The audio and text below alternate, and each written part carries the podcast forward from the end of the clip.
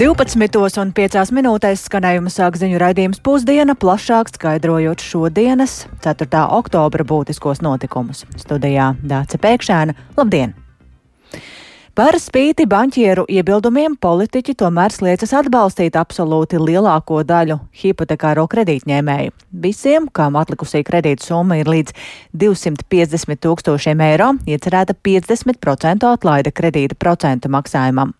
Tā deputāti šorīt ir vienojušies saimas komisijā, un tagad par šiem grozījumiem tālāk ir jālem saimā.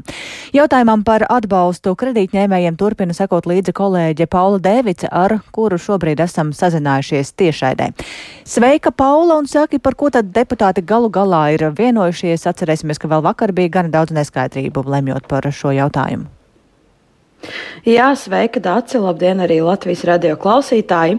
Es tātad atgādināšu, ka šī lemšana sākās jau vakar Saimas budžeta un finanšu komisijā, kad deputāti konceptuāli vienojās par atbalstu piešķiršanu cilvēkiem, kuriem ir šis hipotekārais kredīts.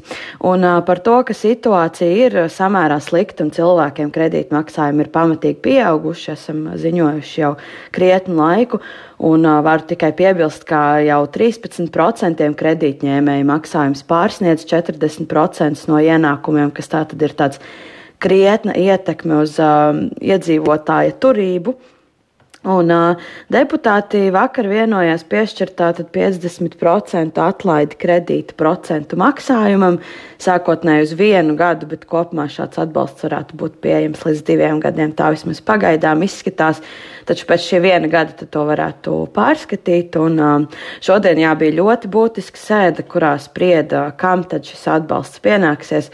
Vakar tur bija visādi varianti, kāds piedāvāja kādas formulas kāds plašāk tātad mērķētu atbalstu, un beigās deputāti ir nonākuši pie tā, ka galvenais rādītājs būs atlikusī kredīta summa.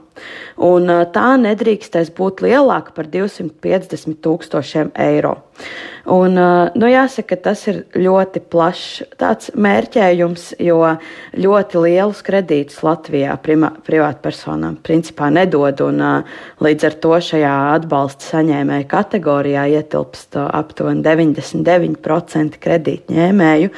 Uh, un atgādināšu, ka šis pagaidām ir pieņemts uh, pirmajā lasījumā saimnes komisijā.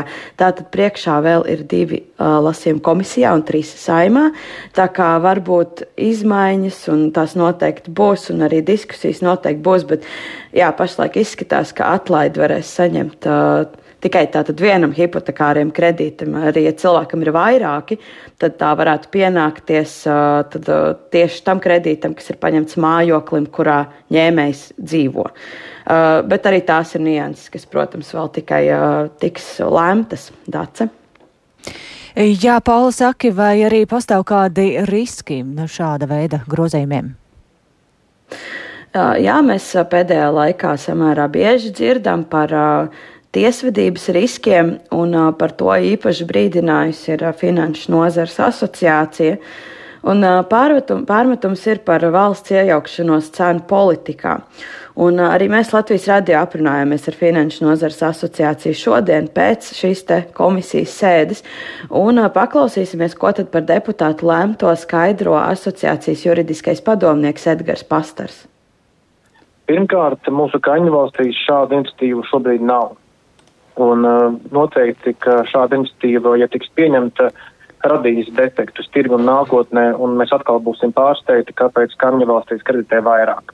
Un otrkārt, zinām, mērā rodas sajūta, ka tiek gatavots regulējums, kuru jau visi zina, ka viņš tiks apstrīdāts, un ļoti iespējams būs neatbilstošs, jo nedz ietekme uz investīciju aizsardzību ir vērtēta, nedz arī šim dokumentam, vismaz pēc tā, ka šodien izskanēja komisijas sēdē, ir veikts eh, atbilstošs konstelatāts novērtējums, nedz arī tas ir saskaņots vēl ar Eiropas centrālo banku. Tas viss vēl acīm redzami tad ir priekšā. Jā, es eh, arī varu atzīmēt, ka tiešām eh, daļai sanākušo nekāda tāda uzskatāma materiāla par to, kas tad īsti uh, notiek un kādas izmaiņas uh, tiek lēmtas, nebija. Un, uh, jā, deputātiem arī bija mazliet bažas par to, ka ir nepieciešams šis Eiropas centrālās bankas atzinums, un tas ir diezgan laikietilpīgs jautājums. Šādu atzinumu parasti tādā ļoti straujā tempā nesniedz, bet es saprotu, ka komisija var lūgt to darīt steidzamības kārtā, tā kā varbūt tas process arī varētu notikt mazliet ātrāk. Un jāatzīmē, ka šorīt arī Latvijas televīzijas raidījumā Rīta panorāma izteicās ministra prezidenta Evika Siliņa no jaunās vienotības, un viņa uzsvēra, ka atbalstam ir jābūt pēc iespējas plašākām un ka bankām vēl ir visas iespējas rēģēt no savas puses.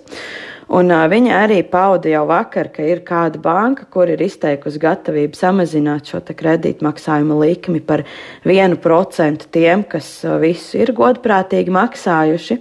Nav gan vēl nosaukts, kura konkrēti ir šī banka. Uh, bet nu, uh, varam tikai cerēt, ka arī citas bankas uh, sekos uh, šim solim. Es gan aprunājos jā, arī par šo ar Finanšu nozars asociāciju, un viņi skaidro, ka ir vairāk iemesli, kāpēc bankas vēl nav uh, spērušas tādus uh, kārtīgus soļus pretī kredītņēmējiem. Un viens no šiem uh, apsvērumiem ir tieši tātad politiķu tādi agresīvie lēmumi par šo tēmu un uh, agresīvā komunikācija. Tā kā es domāju, tāda rīvēšanās par šo starp uh, lēmējvaru un finanšu uh, nozari noteikti vēl būs kādu laiku, un līdz tiks sasniegts kāds rezultāts. Tā kā gaidīsim, kad, kad būs šis rezultāts. Dace. Paldies Paulai Devicai, plašāk tātad par to raidījumā pēcpusdienu, un Paula pieminēja arī Eviku Siliņu un viņas teikto, un pēc tikšanās ar valdības vadītāju Eviku Siliņu Rīgas pilī.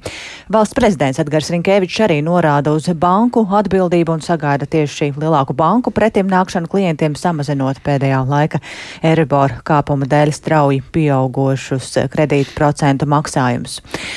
Bet eh, par citiem tematiem tad eh, jau rīt saimai ir jālemj arī par nostāju Stambulas konvencijas jautājumā. Ārlietu komisija šodien nolēmusi balsojumam virzīt lēmuma projektu, kas paredz Latvijas nepievienošanos Stambulas konvencijai. Šo dokumentu ir sagatavojis saimas juridiskais birojs, bet gala lēmums būs jāpieņem saimas vairākumam, kas to var arī noraidīt, ņemot vērā arī jaunās koalīcijas apņemšanos panākt Stambulas konvencijas ratificēšanu. Un vairāk par to ir gatavs stāstīt kolēģis Jānis Kīns. Kurš nu jau līdzās man studijā. Sveiks, Jāni! Sveicināti! Jā, Saima, Saimas ārlietu komisijas vairākums balsojumā jau pirms nedēļas atbalstīja kolektīvo iesniegumu par nepievienošanos Stambuls konvencijai, kas paredz novērst vardarbību, cīnīties ar vardarbību pret sievietēm un ģimenēm.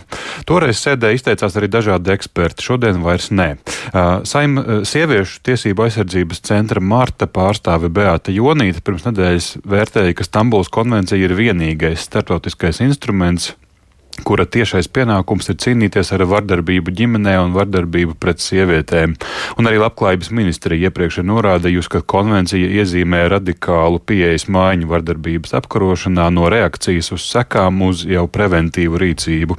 Savukārt juriste Baiba Rudevska toreiz pirms nedēļas sēdē atzina, ka ir apsveicams konvencijas mērķis apkarot uh, vardarbību, tomēr starptautiskajā dokumentā ir arī bīstamas un strīdīgas lietas.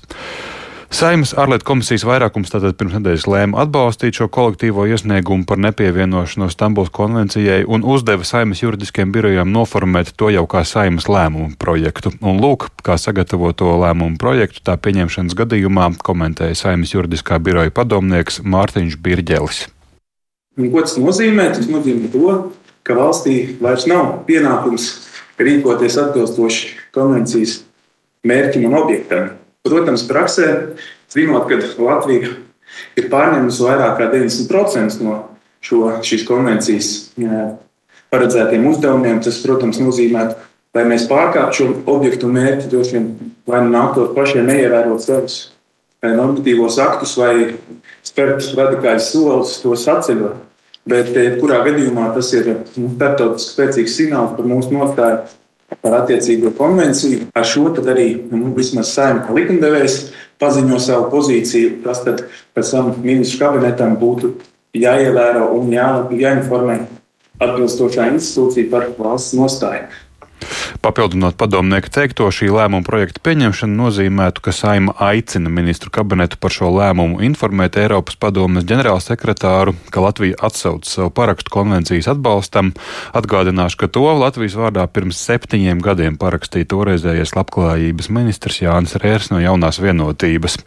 Um, Deputāts Jānis Vucāns no Zaļo zemnieku savienības šodien atgādināja, ka viņa vadītā saimas mandāta ētikas un iesniegumu komisija iepriekš lēma šo iesniegumu nodot izvērtēšanai tieši ārlietu komisijā, jo tā vērtētu visus ar šo konvenciju saistītos jautājumus, tajā skaitā arī labklājības ministrijā sagatavošanā esošo likumprojektu par pievienošanos Stambuls konvencijai. Atbalstot kolektīvo iesniegumu par nepievienošanos, tai turpmākie lēmumi izpaliktu. Taču šai pieejai, nepie, šai interpretācijai nepiekrita ārlietu komisijas vadītājs Rihards Kols no Nacionālās apvienības ar piebildi, ka par kolektīvās iniciatīvas izvērtēšanu lēma visa saima. Un tad no tālākajām diskusijām jau izrietēja, ka šī lēmuma projekta pieņemšanas gadījumā Latvija būtu vienīgā valsts, kas būtu atsaukusi savu parakstu Stambulas konvencijai. Vēl arī Turcija iepriekš bija ratificējusi šo konvenciju, taču pēcāk no tās izstājās. Piebildīšu, ka šīs konvencijas ratificēšana ir viens no vēl šogad īstenībā veicamajiem darbiem jaunajai koalīcijai, kas ir fiksēts arī tātad, valdības deklarācijā. Tāpēc uh, saimas sēdē ir sagaidāms plašs debats pirms balsojuma par šo šodien virzīto ieceru nepievienoties Stambuls konvencijai, un komisija šo lēmumu projektu aicina iekļaut jau rītdienas saimas sēdes darba kārtībā, tā kā tur noteikti ieskarsti. Tātad gaidīsim saimas lēmumu. Paldies Jānim Kīncim, un viss šī apkopojums arī gaidāms raidījumā pēcpusdiena.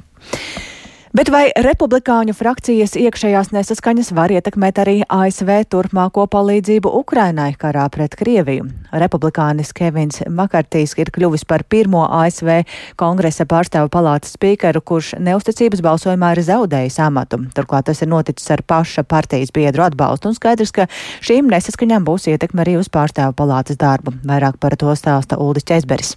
Kevina Makartija atstādināšanu no pārstāvju palātas spīkera amata atbalstīja 216 kongresa apakšpalātas locekļi, bet 210 balsoja pret. Republikāņu partijai ir neliels balsu vairākums pārstāvju palātā, taču par Makartija atstādināšanu balsoja arī astoņi radikālās pārna republikāņi. Viens no viņiem bija Mets Geits, kurš ierosināja neusticības balsojumu. Geits un viņa sabiedrotie nebija apmierināti ar to, ka Makartijs piesaistīja demokrātu partijas deputātu balsis, lai pagājušajā pagājušajā nedēļā apstiprinātu likumprojektu par pagaidu finansējumu piešķiršanu, kas ļāva novērst federālās valdības iestāžu darba daļēju pārtraukšanu. Turklāt likumprojektā nebija iekļauta konservatīvāko republikāņu prasība piešķirt papildu finansējumu ASV dienvidu robežas stiprināšanai, lai apturētu nelegālo migrāciju. Jāpiebilst, ka likumprojekts arī neparedzēja papildu finansējuma piešķiršanu palīdzībai Ukrainai. Makārtīs pēc amata zaudēšanas paziņoja, ka viņš atkārtoti uz spīkera amatu nekandidēs. Pārstāvju palātā nevarēs notikt jauni balsojumi līdz brīdim, kad būs izvēlēts Makārtija pēctecis. Paredzēts, ka balsojums par nākamo spīkeru notiks 11.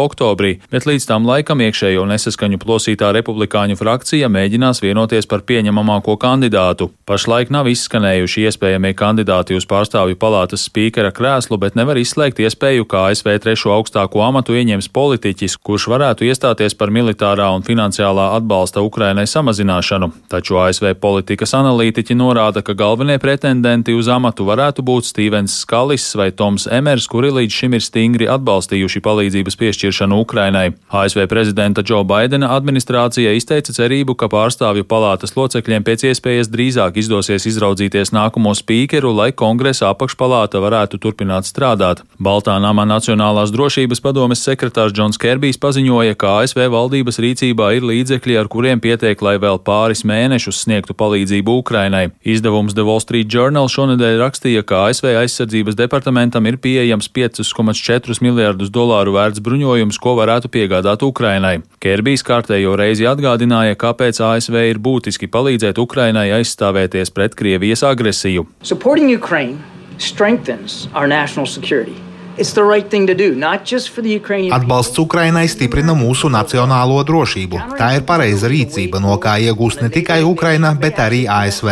Tā mēs varam novērst plašāku konfliktu, kurā varētu būt nepieciešams iesaistīt amerikāņu karaspēku. Un tas ir spēcīgs signāls citiem potenciālajiem agresoriem, kuri iespējams apsver militāru iebrukumu kaimiņu valstu teritorijās, ka šāda rīcība ir nepieņemama un ka viņi par to samaksās. ASV un starptautiskā sabiedrība sauks viņus pie atbildības atbildības. Kērbijs piebilda, ka kavēšanās ar jaunas palīdzības piešķiršanu Ukrainai var iedrošināt Krieviju turpināt karu vēl ilgi, lai mēģinātu mazināt rietumvalstu atbalstu Kīvai. Uldis Česberis, Latvijas radio.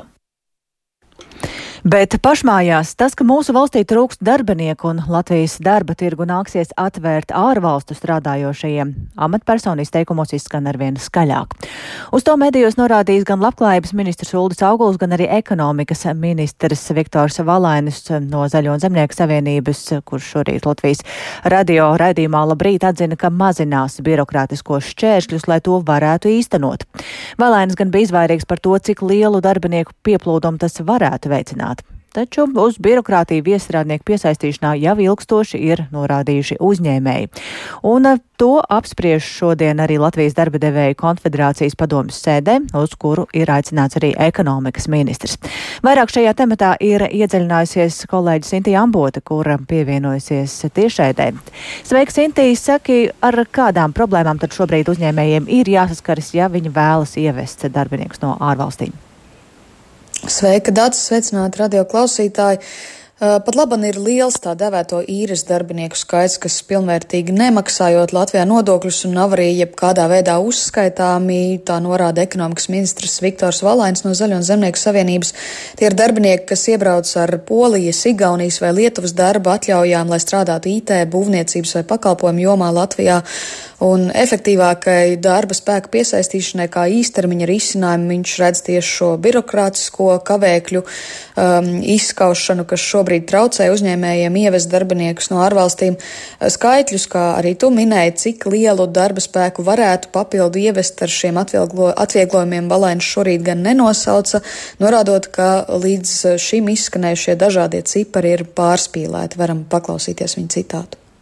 Šobrīd tieši dēļ šīs mākslīgi veidotās birokrātijas šie skaiti nav objektīvi. Restīvi uzņēmēji, piemēram, sludina uh, darba sludinājumus, mm. kur faktiski viņiem nemaz tas darbinieks nav vajadzīgs, bet viņi viņu tur ar domu, ka tajā brīdī, kad viņam vajadzēs to darbinieku, lai viņš izpildīs šo likuma prasību, ka viņam mēnesī jātur šis sludinājums.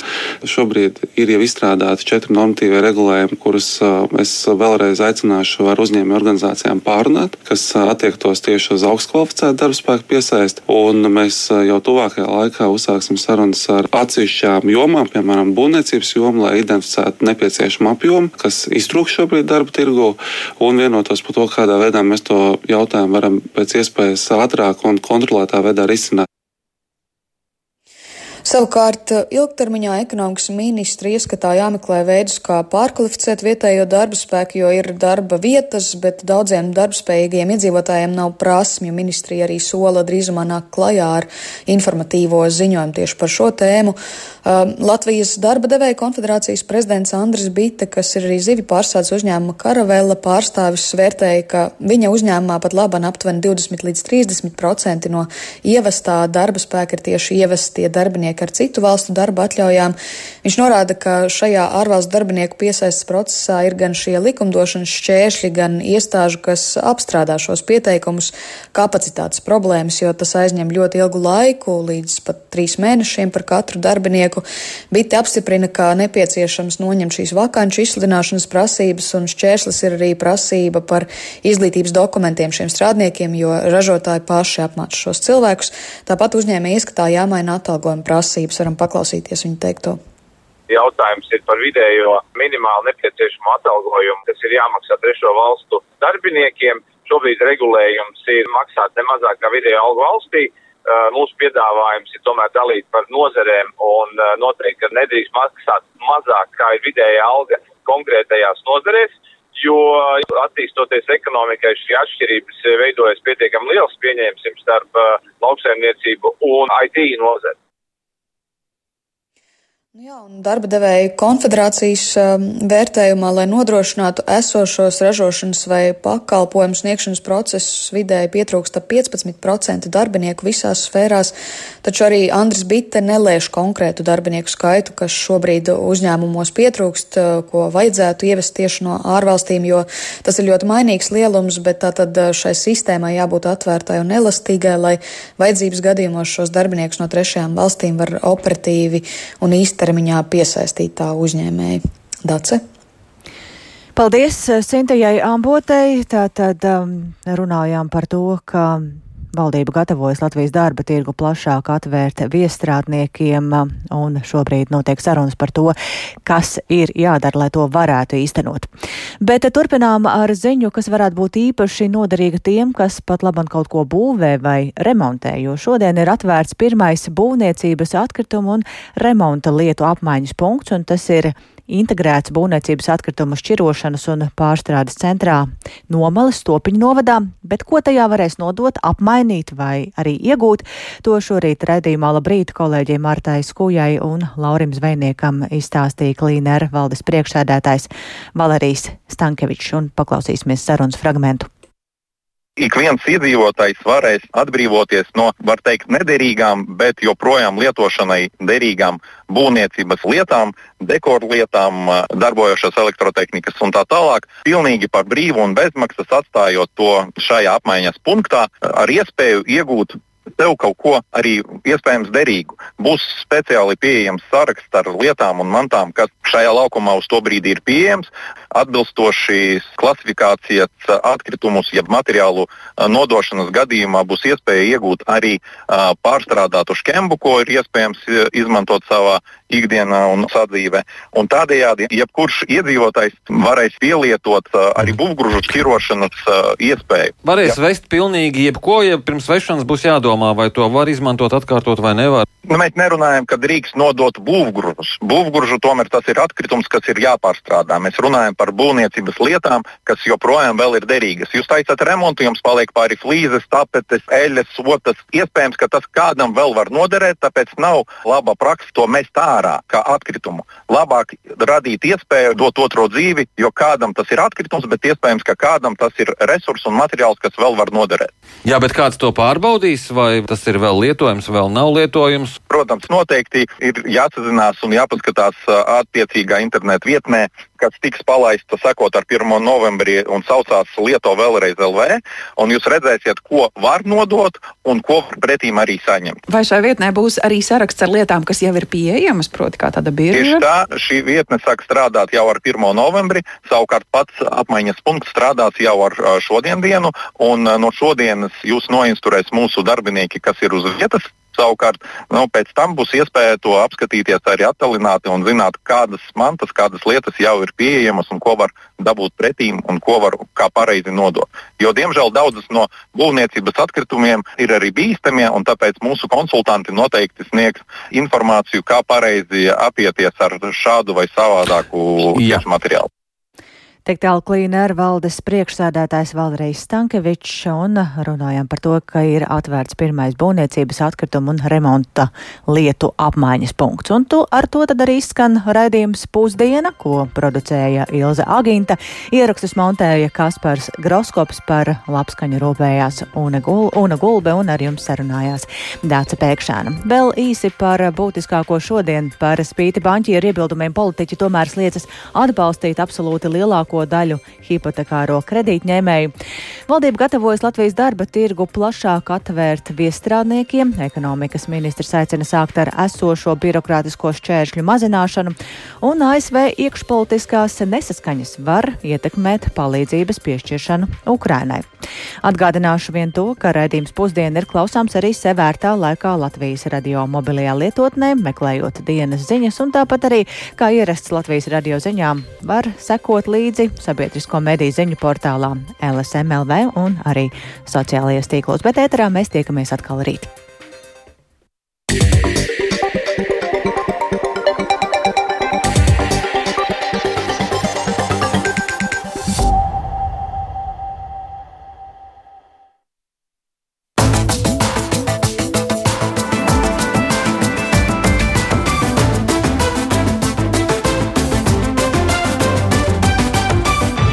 Raidījums Krustpunktā Aizsmeļamies, Tamsons, sakim, labdien! Diskusija par to, vai Latvijā vajag sabiedriskos medijus Krievu valodā, ir kļuvusi arvien kategoriskāka. Apstiprinātajā nacionālās drošības koncepcijā ir noteikts, ka tuvākos pāris gadu laikā tātad šos medijus jālikvidē, bet nu, koncepcija nav likums. To mēs dzirdam, un tas, no, savukārt nozīmē, ka publiskajā telpā vēl ir gaidāmas garas diskusijas. Cik liels tad ir svars argumentiem abās pusēs? Un kādas konsekvences varam sagaidīt?